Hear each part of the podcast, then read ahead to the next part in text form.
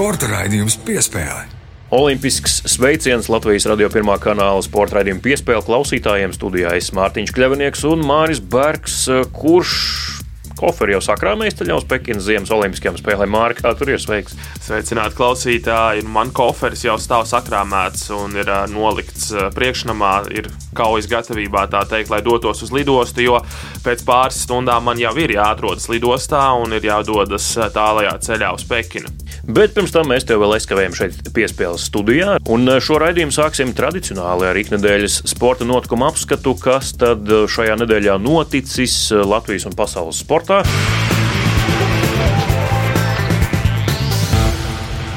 Un sākam iknedēļas sporta karuseļa apskatu. Protams, par un ap Olimpiskajām spēlēm vairums šo notikumu būs. Sāksim ar Latvijas hokeja izlasi, kas veido vislielāko daļu no Latvijas Olimpiskās delegācijas - 25 spēlētāji, turklāt vēl arī apkalpojošais personāls, ļoti daudz treneru, masieru. Vēl arī daži rezervisti, kā, nekā, kā mēs zinām, tad eh, arī Startautiskā hokeja federācija ievies šo principu, ka līdzīgi kā NHL komandai līdzi var doties līdz sešiem rezerves spēlētājiem spēlētājiem, kurus var iesaistīt Olimpiskajā sastāvā traumu vai Covid-19 gadījumu dēļ. Nu, man nekādu tādu pārsteigumu nebija, ieraugot šo 25 kategoriju. Man arī tur nebija pilnīgi neviena pārsteiguma, pilnīgi loģisks, saprotams sastāvs. Tie, kuriem tur bija jābūt, tie tur arī ir. Harijs Vitoļņš varbūt izvēlējās paredzamo un garlaicīgo izvēli, neriskēt, paņemt tiešām tos spēlētājus, kuriem tur jābūt iepriekš gan pasaules čempionātos, gan arī Olimpiskajās spēlēs vienmēr ir bijušas kaut kādas diskusijas, kāpēc ir šīs vai kāpēc šis nav.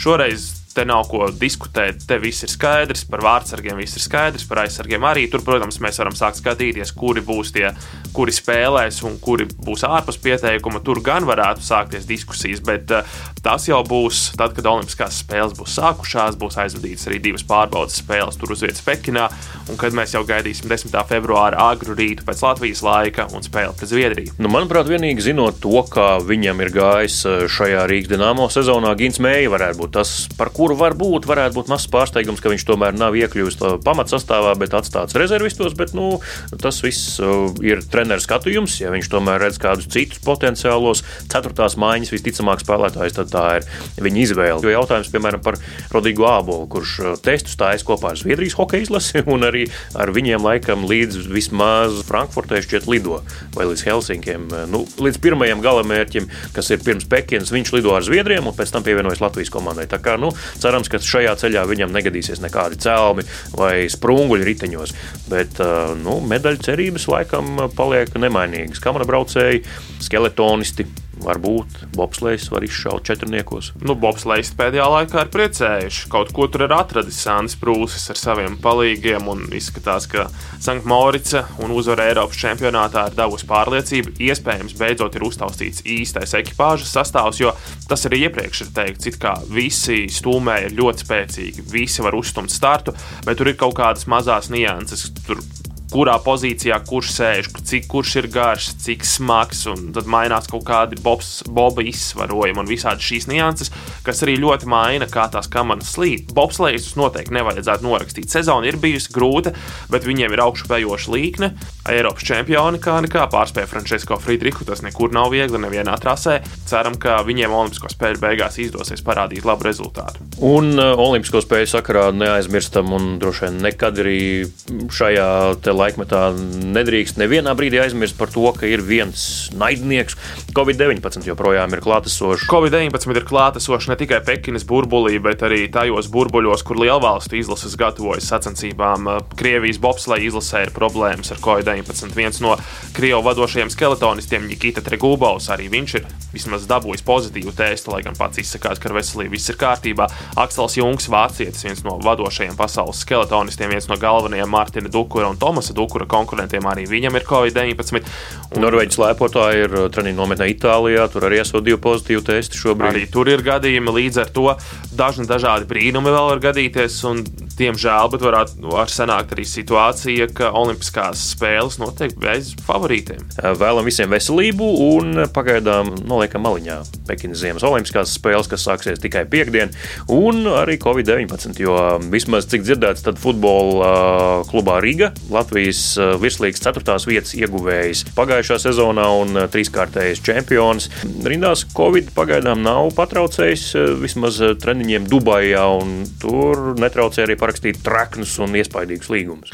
No apvienotajos Arābu Emirātos ar saulīti viss ir kārtībā, tur silts, līdz ar to atrodoties svaigā gaisā, protams, arī šīs iespējas noķert vīrusu varētu būt mazākas, bet, kā jau teicu, jā, ļoti trakni līgumi. Nu, nezinām, cik lieli skaitļi ir ierakstīti šo futbolistu līgumos, proti, cik daudz naudas viņiem tiks maksāts par spēlēšanu FC Riga sastāvā. Taču vismaz vārdu ziņā ir skaļi papildinājumi futbolisti, kuri ir spēlējuši Vācijas Bundeslīgā, citās Eiropas līgās, Kristians Marčinko, piemēram, aizsargs, Austrijas Bundeslīga. Varbūt tās kāds pavīšanās Austrijas līga, kas tur tāds ir. Taču Jā, Austrija... cik Latvijas izlases spēlētāji spēlē Austrijas Bundeslīgā? Jā, šobrīd? galu galā Austrija tomēr ir tāda izlase, kura ir spējīga kvalificēties Eiropas čempionātam. Un, ja atceramies pāris gadu senu vēsturi, tad eh, mēs no Austrijas arī kārtīgi esam dabūjuši pa kāklu. Laikam Riga ir tā, kura visizteiktāk šobrīd darbojas tirgu, lai gan viņu preses sekretārs Krišupenieks jau eh, ir izteicies gan citā platformā un citā medijā par to, ka nu, laikam tagad gan tas viss ies mazumāk. Tad tie lielie un skaļie papildinājumi ir beigušies, sākoties jau ar Torstenu Finku, komandas galveno treneri. Skaists tālāk... pieteikuma video, starp citu, ļoti oriģināls un Latvijas mērogiem arī neredzēti kvalitatīvs. Un arī tāpat šie ukraiņu spēlētāji, kur spēlējuši arī Vācijas Bundesliga, arī Grieķis, un joprojām meklējot uzbrucēju, kurš varētu būt vārdus. Tā kā novēlam arī to viņam atrast. Bet pārējās komandas tādas, nu, ja ne gaužām klusas, tad vismaz, piemēram, par video tu pieminēji. Video, skaists video veido arī futbola klubs Liepāja par katru savu jaunpienācēju tādā ļoti eh, gaumīgā manierē, bet viņiem tomēr tas izpaužas tā, ka viņi tomēr pārpērk čempions RFS spēlētājus. Roberts Savaļnieks, Leonels Strumija mm, ir to sarakstā. Tāpat arī eh, RFS ir palikuši bez kapteiņa un eh, savā rezultatīvākā, varbūt ne vārtu ziņā, bet visādā ziņā produktīvākā spēlētāja iepriekšējā sezonā kapteiņa Tomāša Šimkoviču. Jā, viņš gan aizgājis uz Austrijas trešo līgu, bet tas vairāk ģimenes apsvērumu dēļ un tāpēc, ka viņš gribēja divu gadu līgumu, bet to viņam RFS nevēlējās dot. Nu, tā čempiona arī palikusi ir plānā, ka jāskatās, kā viņiem veiksies čempionu līgas kvalifikācijā, bet Liepāja gan bruņojas. Droši vien Mārim Erpakovskim ir kaut kas azotē, un RFS tā vienkārši nepadosies. RFS varbūt nekad nav bijuši tieši tie skaļākie vārdi. Jā, nu, viņi tomēr strādā tā plānveidīgāk. Viņu mērķis tomēr ir uh, sasniegt gan um, augstus rezultātus tagad un tūlīt, bet tomēr skatīties nākotnē, kurus no šiem spēlētājiem var attīstīt un pēc tam par labu naudu pārdot un paši arī nopelnīt. Piemēri taču nav tālu jāmeklē. Tas pats Ofors uz uh, Amerikas līgu MLS pavisam nesen un um, gal galā arī jā, nu, vasaras skaļākais darījums arī Darko Lemaiča došanās uz uh, Gentas vienību Beļģijā, kur viņš arī ļoti labi spēlē un izrāvās no Latvijas virslīgas 28 gadu vecumā. Savukārt Riga, jā, viņi grib spēlētājus, kas tagad dod rezultātu. Viņi pārsvarā nevienu nepārdod, vienkārši atdod tālāk. Daudz arī uz RFS ir atnākuši pēc tam vienkārši nu, bez atlīdzības. Elvis Stūglis. Elvis Stūglis joprojām ir RFS sastāvā, jā, un cerams, ka būs vēl viens čempionu tituls. Brīdi pirms futbola virslīga sāksies, tad noteikti mēs arī krietni vairāk pievērsīsimies tam un iztrizāsim tieši Latvijas futbola virslīgu. Nacionālā hokeja līga latviešu pārstāvniecība šo sezonu pats sasniedz piecus spēlētājus, tad, kad Kristians Rubīns bija Toronto Maple Leafs sastāvā šobrīd četri kluba aptverēs ir, bet eh, nu, šā kā tā viņam tur iet. Savainojumi, cits nonāk Covid-19 eh, protokolā un nedrīkst spēlēt tādēļ. Citam savukārt tiek salauzts žoklis. Runa par Teodoru Blugeru, kurš divus mēnešus tagad nevarēs spēlēt. Jā, Teodoram Blugeram ļoti neveiksmīga arī šī situācija. Tāpat laikā pretinieks arī bija mazliet palēcies. Slīdes neatradās pilnībā uz ledus, līdz ar to tas arī palielina šo spēku. Un uh, Teodoram žoklis tika ietriekts tieši stiklā, un tur arī stipri daudz asiņu tika atstāts uz ledus. Buffalo Sabres. Ko lai par viņiem saka? Nu, katrs gads sākas cerīgi, bet beidzas tā kā katru gadu. Šogad par Buffalo Sabres laikam neviens neko necerēja. Tā ir bēda ielai. Nu, tur neko nevar pateikt labi par to komandu. Tas tā ir Nacionālās hokeja līnijas Rīgas dīnāmo versija. Viss ir slikti. Līdz ar to Buffalo ir jāpārbūvē pārbūve. Žēl, ka Gigantsons tur ir iesprūdis. Godīgi sakot, man jau ir žēl, ka viņš tur ir iesprūdis. Un Gigantsons atgādinām, ka viņš savas karjeras laikā, lai gan NHL spēlē jau 7, 8 gadus, no nu, apmēram. Varbūt pat vairāk. Jā, jā nereiz nav spēlējis Stanley Kausa izcīņā. Jā, tā kā Gigantsons varētu būt arī Gards Kumosiņš kādam no top klubiem pirms izslēgšanas spēlēm, kā labs mazākuma speciālists, kurš var arī iemest vārtu, sadot piespēli. Līdz ar to ceram, ka viņš tiks prom no Seibras. Turēsim par to īkšķus. Rudolfs Balcers lieliski atgriezās pēc savainojuma izvērtēšanas. Trijās spēlēs divi vārti, un tā arī tas tika apslāpēts, jo viņam bija jāpiet maliņā, jo viņš tika iekļauts tā sauktajā Covid-19 protokolā. Vecais draugs Covid atkal parādīja savu neglīto seju. Elvis Merzlikins, par viņu arī mēs nedrīkstam aizmirst. NHL kontekstā nedēļas vidū viņam bija ļoti smaga spēle pret Calgary Flames komandu. 62 metieni pa viņa vārtiem, turklāt spēle pat neievilkās papildu laikā. Kolumbusas Bluežakets zaudēja un zaudēja smagi 0-6, taču vai mēs kaut ko varam pārmest vārdsargam, ja pa viņa vārtiem tiek izdarīti 62 metieni? Nu, viņš ielaiž 6 jā, savos vārtos, tā kā procentuāli tas nemaz tik slikti neizskatās, kā ielaist 6 no 26, piemēram. Bet uh, Elvis, jā, nu viņam līdzīgi kā par Rudolfu, viņam eh, tās labās spēles mīs ar sliktajām. Tiesa gan, nu, reizēm arī Kolumbus komandas aizsardzība ir kā caurstaigājuma sēta. Bieži vien tā arī ir. It īpaši, kad ir palaists prom savs labākais aizsargs starp sezonā, Sečs Jones devies uz Čikāgu, tās atstāja milzīgu robu. Tojamies ikdienas sporta apskata noslēgumam, un pēdējais uh, mūsu pieturas punkts ir distanču slēpošana, bet uh, tas, kas notiek nevis uz sniega, bet kabinetos. Tomēr uz Pekinas Ziemas Olimpiskajām spēlēm devies biatlonists Roberts Slotiņš, bet distanču slēpotājs Induls Bikšs paliek mājās. Visa šī situācija, Mārtiņ, domāju, piekritīs, man ir stipri amizanta. Dīvaina, nesaprotama, viens nepasaka kaut ko, otrs kaut ko nepasaka, un beig beigās strīds ir par 1000 eiro, kas sportā ir tieši nekas. Tādēļ izmest uh, otru labāko Latvijas distanču slēpotāju no Olimpiskās uh, delegācijas un ielikt tur rezervistu tikai ar tādu pamatojumu, ka viņš lūk, ir cēlis neslavu federācijai, nu, tur jāapšauba federācijas vadība. Turklāt eh, pats šis valdes loceklis federācijas Jānis Puida, kurš ir atbildīgs par distanču slēpošanu, brauc uz Pekinas Ziemas Olimpiskajām spēlēm, vadīja šo delegāciju, kā viņš atzina sarunā ar mūsu kolēģi Reinu Grunspeņķi. Vai tiešām ir vajadzīgs atsevišķs šāds vadītājs? Man šķiet, ka kamaniņu braucējiem, kur ir vairāk, tāda nemaz nav. Tas arī ir atsevišķs stāsts, bet beig beigās mēs noliekam relatīvi ātru slēpotāju, kurš ir specializējies distanču slēpošanā, pret biatlonistu, kurš pat biatlonā ir lēns. Tiešām cerība tur nav, ja godīgi runājam. Un, nu, mēs esam redzējuši, kāda ir Roberts Lotiņa rezultāti pasaules kausā biatlonā. Visu cieņu par to, ka viņš startē šādā līmenī, taču tie rezultāti ir nekādi. Un dodamies tālāk, un raidījuma turpinājumā ierastā rubrika, kas lācītīm vēderā, un šoreiz pavērsim priekškaru uz šādām tādām aizkulisēm mēs ar Māri, jo ir tapusi filma. Kas lācītīm vēderā? Latvijas televīzijas veidotā filma Atgriešanās Olimpiāde. Televīzijas ekrānos būs skatāma tieši Pekinas Ziemas Olimpisko spēļu atklāšanas dienā, 4. februārī, 5 minūtes pirms 9. vakarā pirms uh, Olimpisko spēļu atklāšanas ceremonijas atkārtojuma, kas desmitos vakarā.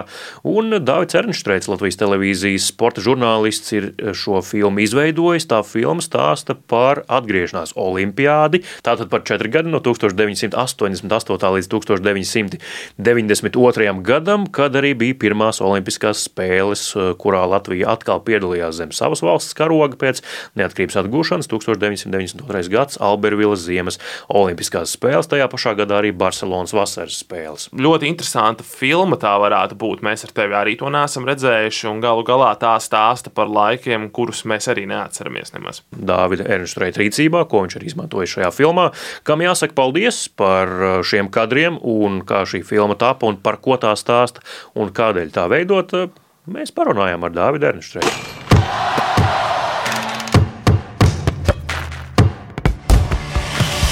Sveiki, vīri! Sveiciens klausītājiem! Tas sākums ir gaužām prozaisks, un man liekas, līdz ar to arī ļoti foršs un ļoti vienkāršs. Esmu nedaudz to vienkāršojis, saucot par Kārļa Uļļa no Amerikas atvesto kasešu kartonu lielu kasti. Bet tas, kas tur bija iekšā, tas gan bija no viņa personīgā arhīva, 30 gadus krāts. Dažādās kasetēs, dažādu formātu kasetēs. Sporta muzejs man uzrunāja, jo man forša sadarbība ar viņiem no dažiem iepriekšējiem projektiem par vēsturi Latvijas sportu. Un tad teicu, jā, Kārlis, tāds Kārlis būs Latvijā, vedīs kasetes, grib ar to kaut ko darīt. Un tu iesaisties avantūrā, faktiski tu nezini, kas tur ir. Un vienam liekas, tā ir vērtība, un savukārt profesionālim tas liekas atķert dažkārt galvu, kā tas izskatās. Un kaut kādā veidā tomēr izdevās to bildi uz ekrāna dabūt no vienas no tām kasetēm. Tad uh, viens no pirmajiem kadriem bija Sandrs Prūsis Albervīlas Olimpiādē iesildīšanās kabīnē, kur viņš domās braukt trasi. Un šeit man cārtuvaidzes Sandis, čirkainiem matiņiem nedaudz tādiem vēl lokainiem sēž. Man likās, bats, nu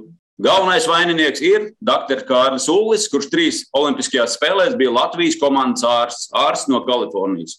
Bet nu, es biju apkrāpies ar visādiem vērķiem, kas palīdz nostabilizēt video signālu. Jo tas nav tā, ka tu ieliec kaseti maģiju, piespied capture pogu datorā un viss notiek. Nē, tas jau ir tikai viens. Tad jau pārējais ir vēl apzināšana, kas vispār no kino kronikām un arhīviem ir pieejams no 80. gadiem, kur ir brīnišķīgi kadri un lieliskā kvalitātē, kas ir kino lente tomēr ir nu, daudz, daudz labāka nekā kaut kāda pārējais laika formāta, VHS. Un, bet nu, pandēmija, ja godīgi, nospēlēja savā ziņā šim projektam par labu, jo atbrīvojās laiks šādiem vēstures arhīvu ķīdāšanai, pētīšanai, lasīšanai, likšanai kopā, kad mazāk laika skraidīt apkārt, skriet līdz sportistiem, tad bija iespēja to scenāriju veidot un to sagatavošanos veikt. Tas ļoti svarīgi. Runājot par pašu filmu, uz ko tad šī filma vairāk fokusējas? Tieši uz šīm 92. gada Albervilas Ziemas Olimpiskajām spēlēm, vai tomēr tas ir stāsts, kas sākas jau 4-5 gadus iepriekš, 80. gadu otrajā pusē, kad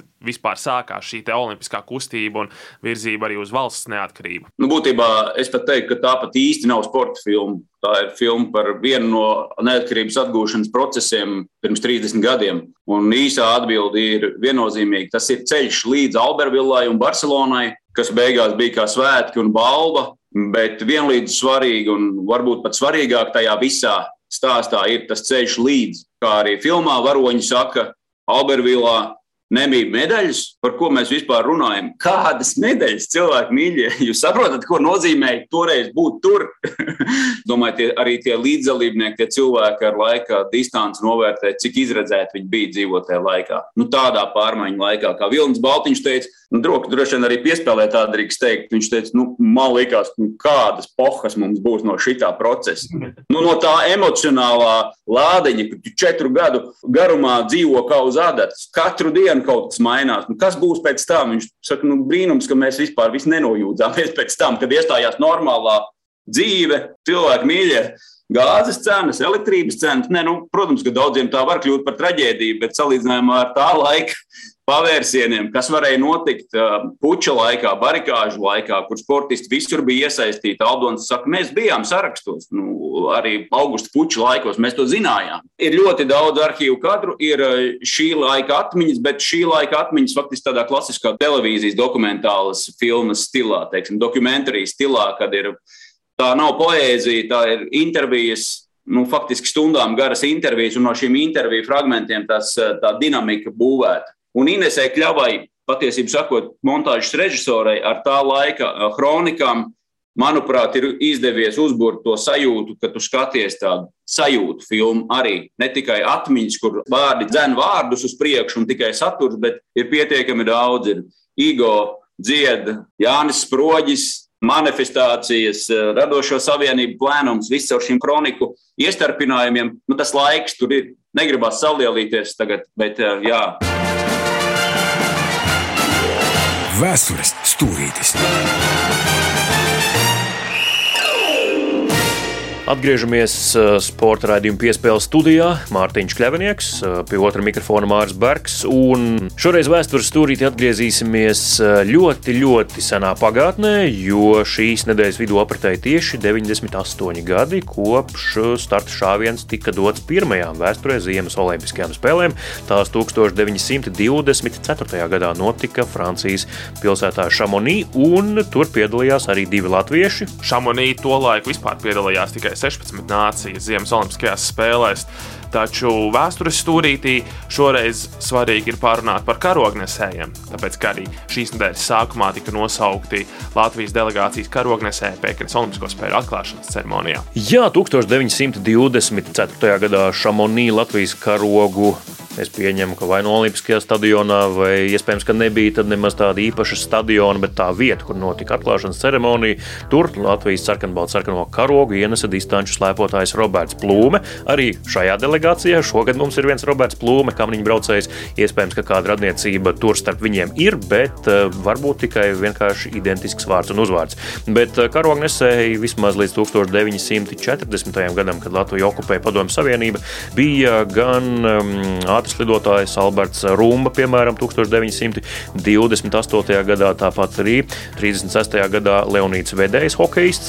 Jautāsiet, kur tad 1932. gada spēles tajās Latvija nepiedalījās tāpēc, ka tās spēles notika Leikplēsidā, Amerikas Savienotajās valstīs, un ceļš uz Amerikas Savienotajām valstīm arī šobrīd ir visnotaļ dārgs, taču tajā laikā tas bija vēl dārgāks un arī krietni sarežģītāks nekā tas ir šodien. Bet uh, Latvijas karognesēji tā tad Pekinā būs. Uh... Elīza Tīruma, kamīņbraucēja, viņai pēdējās Olimpiskās spēles uh, karjerā, un pēdējās Olimpiskās spēles, kā viņš pats to jau ir paziņojis, karjerā arī hokeistam Laurim Dārziņam. Latvijas karogs Pekinā būs drošās rokās, bet eh, kādās rokās tas ir bijis iepriekš. Latvijas hokeja izlase pirmo reizi pēc neatkarības atjaunošanas Olimpiskajās spēlēs piedalījās tikai 2002. gadā. Solteiks City Ziemas Olimpiskajās spēlēs lepni karogu Olimpiskajā stadionā toreiz ienes tā laika Latvijas hokeja izlases kapteinis Harijs Vitoļņš, kurš tagad ir Latvijas hokeja izlases galvenais treneris. 2006. gadā Artūrs Irbe Turīnā ienes Latvijas karogu. Ļoti labi atceros šo atklāšanas ceremoniju. Mūsējai, manuprāt, bija vispār viena no labākajiem tērpiem atklāšanas ceremonijās, kādi mums ir bijuši pēc neatkarības atjaunošanas. Balts šallīts, tās hūtītes, jā, bordo krāsās. Jā, ļoti eleganti izskatījās Latvijas izlase. Jā, 2010. gadā karognes Martins Dukurs, ne hokejists, bet pēc tam atkal hokejists, Soču ziemas olimpiskajās spēlēs Sāns Ozoliņš. Šo atklāšanas ceremoniju man bija tas gods vērot klātienē, aptuveni trešajā rindā stadionā. Es tur iešmaudus kaut kādā veidā, lai gan vispār nebija man ļauts apmeklēt šo ceremoniju, bet krievu valodu pārzinu, tā kā viss beig, beigās tomēr sakārtojās man labvēlīgi. Un eh, Sāns pats arī pēc tam atzina, ka arī laikam tomēr bija nedaudz par daudz satraucies, jo viņš ļoti tālu gabalu priekšā aizskrēja delegācijai. Viņš tādiem lieliem, platiem soļiem un pārliecinoši neskarogu, bet delegācija tādiem maziem un lēniem solīšiem sekoja. Tā kā tā atstarpe starp viņu un delegāciju arvien palielinājās. Eh, bet eh, nu, tas varbūt pa televīzijas ekrānā tā neizskatījās tik ļoti izteikti kā uz vietas esot. Bet, nu, jā, hokeisti cik vien ir bijuši Olimpiskajās spēlēs, gan arī Allaž nesuši karogu. Tātad eh, Pjončānas Ziemas Olimpiskajās spēlēs hokeja izlases nebija. Tur eh, karogu nesa bobslēgs eh, Daumans Dreiškens, bet mm, visās citās spēlēs kopš 2002. gada, kad vien hokeja izlase ir spēlējusi, tad gandrīz vienmēr karogs uzticēts hokejistam, izņemot, kā jau minēju, Vankūveras spēles 2010. gadā, tad Martins Dukurs to darīja. Nu, nedrīkstam aizmirst arī 90. gada Olimpiskās spēles, tāpēc, ka 90. gados iekrita uzreiz pat trīs Ziemas Olimpiskās spēles. Vispirms 92. gadā Albervila, un tad 94. gadā Lillehammere, Norvēģija un 98. gadā Japānā Nagano. Un šajās visās trīs Olimpiskajās spēlēs pie karognēšanas tika bobslēgs. Turklāt viņu šo trīs karognesēju vārdus mēs ļoti regulāri pieminam arī šobrīd, vairāk kā 20 gadus vēlāk. 1992. gads Jānis Čipurs, pēc tam Zīns Sekmans 94. gadā un 1998. gadā Sāns Prūsis, šī brīža Latvijas bobsleja izlases galvenais treneris. Visi viņi joprojām ir bobslejā, Jānis Čipurs komentē, Zīns Sekmans kūrē federāciju, Sāns Prūsis savukārt trenē bobslejus. Atgriežamies Latvijas radio pirmā kanāla sporta raidījuma piespēles studijā. Es Mārtiņš Kļavinieks un mans kolēģis Mārcis Bergs. Un, nu ir tas kulminācijas brīdis pienācis, ko mēs visi esam tik ļoti ilgi gaidījuši. Gunārs Jākapsona samtainā balss, es domāju, skan cauri laikiem ne tikai sporta pārādēs, bet arī ierunājot vakar pasaciņu bērniem vai vadot mikrofonu aptauju, bet tomēr vismaz man personīgi Gunāra balss visvairāk saistās ar sporta komentēšanu, sporta raidījumu vadīšanu. Un liels prieks, ka Gunārs atgriežas sporta raidījumā piespēle pēc vairāku gadu pārtraukuma un ar savu rubriku ciemos pie Gunāra Jākapsona. Ciemos pie Gunāra Jākapsona. Mans pirmais ciemiņš jaunajā raidījuma ciklā neviens cits kā viņš, Harijs Vito Liņš. Labdien! Labdien! Gunār. Jā, nu tās ir emocijas, ripas, vārti, pasaules čempionāti, olimpiskās spēles. Tātad hokejs turklāt jau trijās paudzēs. Nu, ja sacīšu, ka man bija tas gods radio televīzijā komentēt daudzas spēles ar tavu līdzdalību, tad tas diez vai kādu īpaši pārsteigs. Arī tevi ne. Jā, es atceros, ka mēs esam bijuši kopā pat Šefildā, kur mēs esam staigājuši. Vai cik sen tas, tas bija? Jā, jā, tas bija sen. Mēs...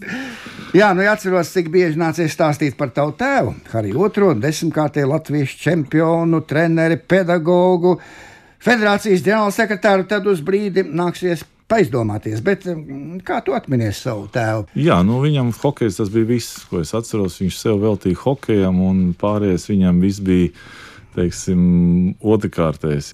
Pirmie, ko es atceros, kad es aizbraucu uz ārzemēm, Es gribēju kaut kā pabalstīt materiālu, jā, to, ko es visu viņam pārsūtīju. Viņš visu ieguldīja hokeja nojās priekš jaunatnes paudzes. Es teicu, klausies, kā tas ir. Es taču to tev pārsūtīju, lai jums būtu eksistence, jā, bet viņš teica, nu gan jau mēs, mēs iztikām vienmēr un iztiksim. Kā, jā, jā, viņš bija tas, kam hokejs bija numur viens. Atmiņā lenti patināja vēl tālāk atpakaļ uz Daugavas stadionu uz 54. gadu. Tas ir mans reportieru gaitas sākums.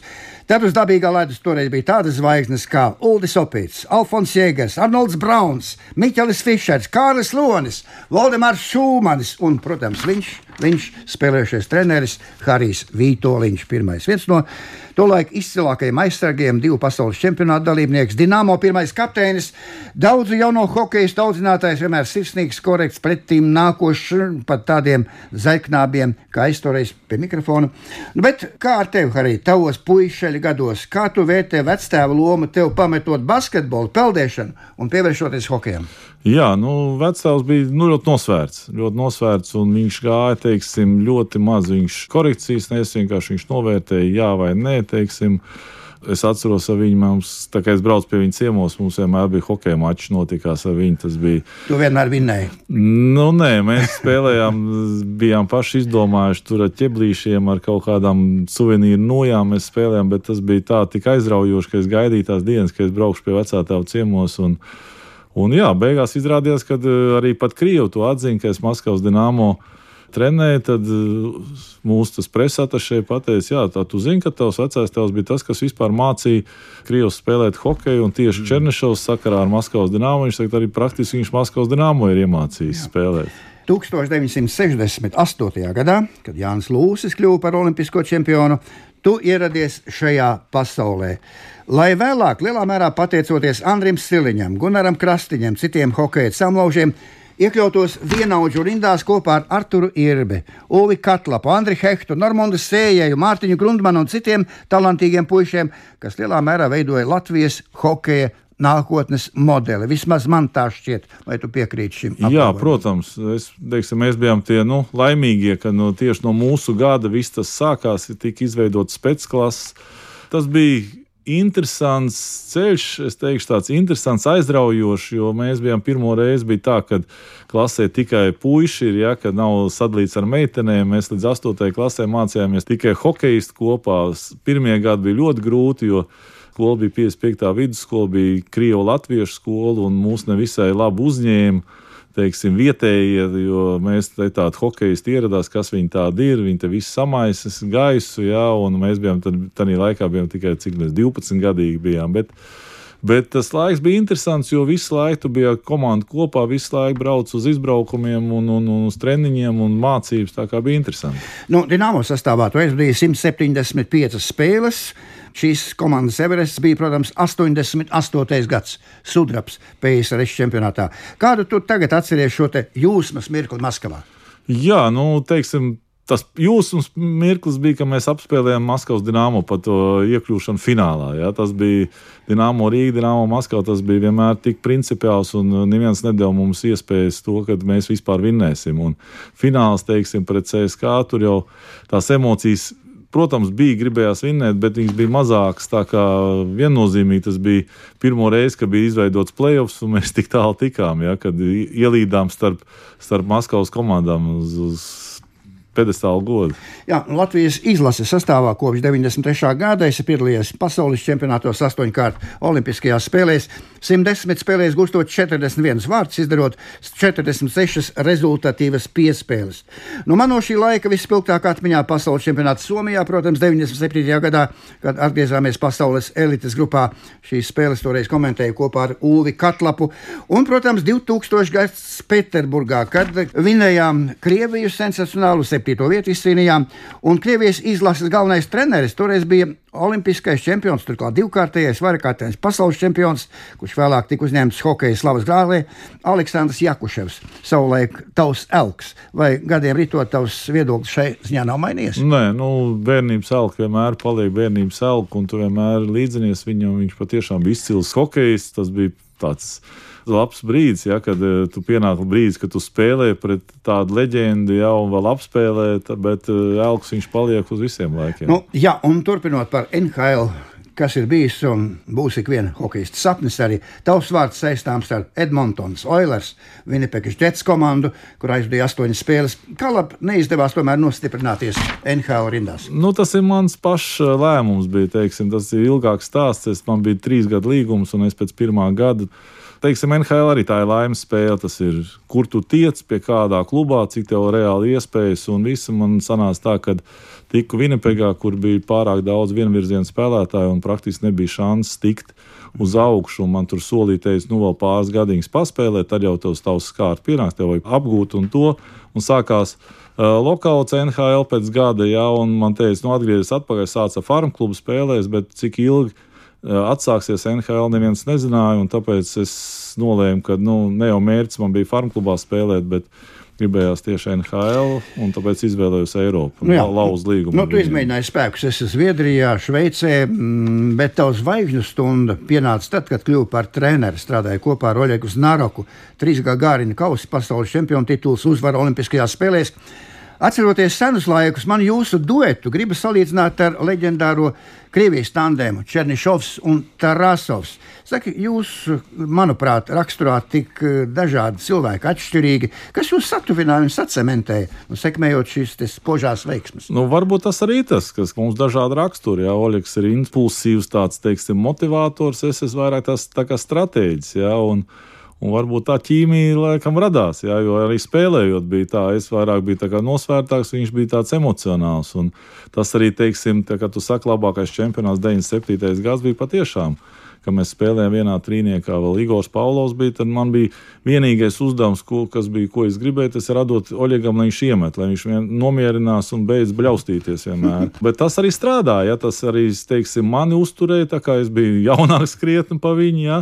Viņš centās dabūt savus punktus, un, ja to čempionātu atcerās, tad mēs ar Oļegu, man liekas, abi bijām pat pirmajā desmitniekā rezultātīvāko spēlētāju sarakstā. Jā, nu tas par Oļegu. Tagad par ģimeni. Kur tā mīt, cik tā liela un kā tu sabalansē savu privāto dzīvi ar hokeju? Jā, nu, mēs dzīvojam Šveicē. Divas meitas man ir vecākā, ir 32 anetē. Pabeidza maģistrus arhitektūrā, tā strādā arhitektūras birojā. Jaunākā Laura ir 20, iestājās Cīrijas juristos, Cīrijas universitātē. Nu, šo, tieši nedēļu atpakaļ beidza pirmo semestru.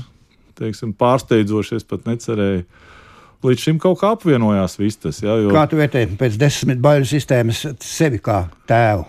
Kā ģimenes galva? Nu, lielākais jau gulstās uz sievu. Ja, lielākā atbildība, jo es esmu visu laiku izbraukumos, visu laiku prom. Viņa tā, kas satura, kas audzina, kas māca. Un es esmu tas, tas vienmēr saku, tas labiņais. Es atbraucu, noilgojies, un tad vienmēr viņi zināja, ka es nekad neko sliktu vārdu nepateikšu meitām. Bet uh, kopumā, jā, es domāju, mums ilgi ģimene un sieva man no jau pirmajiem gadiem jau saprot, ko nozīmē būt hokeja sievai. Tā kā mums, es domāju, viss ir labi. Nu, ja turpinām par ģimeni, tad eh, kāda ir tavi un tavas ģimenes hobija, mm, tā skaitā sporta hobija, paskatot hokeju? Jā, nu, kopš eh, šīs vasaras, es teikšu, mēs, bijām burbulī uz to kvalifikācijas turnīru, mēs eh, bieži spēlējām novus, jo nebija cits nekas, ko darīt. Un es atceros savu bērnību, jo bērnībā es tik daudz viņu spēlēju. Un es labprāt uzspēlētu ar tevi. Tad, tad, tad, labprāt, jā. Noties, jā. Un, un es, es nopirku vasarā, aizsūtīju uz Šveici, un tad mēs Šveicē, teiksim, katru vakaru pāris partijas vienmēr uzspēlējām ar meitām. Cik zinām, tu neesi vienaldzīgs arī pret labu mūziku. Kādreiz tavs algs bija Dženifera Raša, kuras dzimtenes kuras dzimtas saiknes, pareizāk sakot, starp citu, ir saistāms ar Rīgu. Un dāmu pops, kura dziesmu mikrofona aptaujā 90. gadā ierindojās pirmajā trīniekā.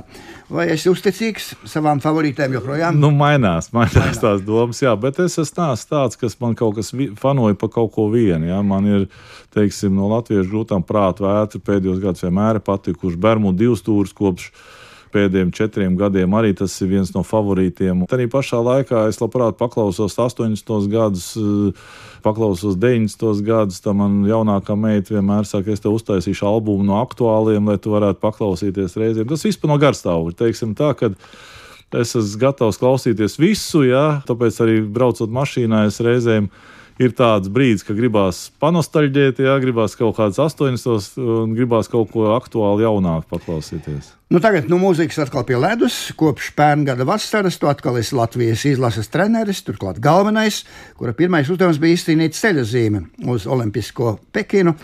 Pirmdien nosauc komandas sastāvu, tagad ir intensīvi treniņi, dzīvojat burbulī, tepat Rīgā, un pēc pāris dienām, tātad 2. februārī, jau dosieties uz Pekinu. Saka, vai olimpiskais sastāvs, nu, ņemot vērā Covid sāgu un NHL atteikumu, ir tāds optimāls? Nu, jā, teiksim, no Eiropiešiem viss ir optimāli, savākt visi labākie. Ir jā, vienīgais tas, ka nu, mazliet izpaliek tas treniņu process sakarā to, ka eh, laikam tā bija plānots, ka brauks visi no sākuma NHL un sevišķi nepievērsta Eiropai to nozīmi. Ja? Un Eiropas klubos visi tie, kas mums puskomandā spēlē Eiropas klubos, tad visiem vēl spēles iet, un tāpēc burtiski savācās pirms pašas izlidošanas sastāvs. Par cerībām es neveicāšu tās, lai paliek eh, apslēptas šobrīd. Arī zīlēšana diez vai šobrīd tādā nopietnā, sarežģītā laikā ir vietā, bet atgādini pirmo spēļu kalendāru. Mēs sākam ar Zviedriju sākām. Jā, jā. nu visas komandas, teiksim, Zviedrija, Somija, Slovākija ir spēcīgas. Mums jāsaprot to, ka visas eh, komandas olimpiādē ir uh, klase augstāks, nevis klase, bet reitingā augstāks par mums. Mēs tikai ar, ar teiksim, lielu pašatdevi, ar lielu disciplīnu tikai varam apspēlēt viņus. Tā kā ļoti viss būs atkarīgs no mums pašiem, jo jebkura spēle sākās no 0-0, un eh, sensācijas ir bijušas vienmēr, un viņas arī būs. Viss būs atkarīgs no tā, kā mēs sagatavosim, cik mēs paši noticēsim sev. Tā kā es domāju, ka jebkurš sportists gatavojas iziet uz laukumu, lai uzvarētu. Ko nu gribu novēlēt e, Olimpisko spēļu dalībniekiem, Latvijas pārstāvjiem šajās Olimpiskajās spēlēs un arī faniem? Jā, nu lielākā daļa faniem es gribētu nodevēt un visiem līdzjutējiem, jā, būt ar mums kopā vienmēr, arī grūtos brīžos. Jā, jo, jūsu atbalsts vienmēr mums vajadzīgs. Kā mēs redzam, spēlēt pie tukšām tribīnēm ir ļoti grūti, un kad tu dzirdi, es sen nebiju izjūtis to atmosfēru, kas darījās kvalifikācijas turnīrā. Ja, jo vienmēr es pēdējos gados esmu bijis otrā puses soliņam, braucot ar Krievijas izlasi vai Krievijas komandu uz Rīgu. Tagad, kad tu esi šajā pusē, sajūti to, teiksim, nu, mazliet aizmirst to aizmirst to atmosfēru. Tā bija fantastiski. Ja? Tāpēc es gribu novēlēt visiem būt ar mums kopā vienmēr, un mēs mēģināsim no visiem spēkiem rādīt visu, ko mēs varam, un just jūsu atbalstu. Lai veicas, esiet stipri un veseli, laimīgu ceļu, un paldies, ka šajā saspringtajā laikā radi laiku atnākt pie manis ciemos Latvijas Rādio 1. Uz tikšanos! Paldies, Gunār! Vislabāk! Latvijas radio pirmā kanāla sporta raidījums piespēlē. Šobrīd studijā Mārtiņš Kļavinieks un Mārs Bergs, bet uh, tik patīkami ir atkal dzirdēt Gunāra Jākapsona balsi sporta raidījumā Latvijas radio. Tas tā ļoti sasilda sirdi un nu, liek atgriezties tādā sajūtā, ka viss ir pareizi. Tā tam būtu jābūt, un tā arī būs. Turpmāk nevis katru svētdienu, bet katra mēneša pēdējā svētdienā. Savukārt mēs no jums atvadāmies un sakam paldies par klausīšanos visu šo piecu uh, raidījumu piespēlu pārraižu garumā janvārī.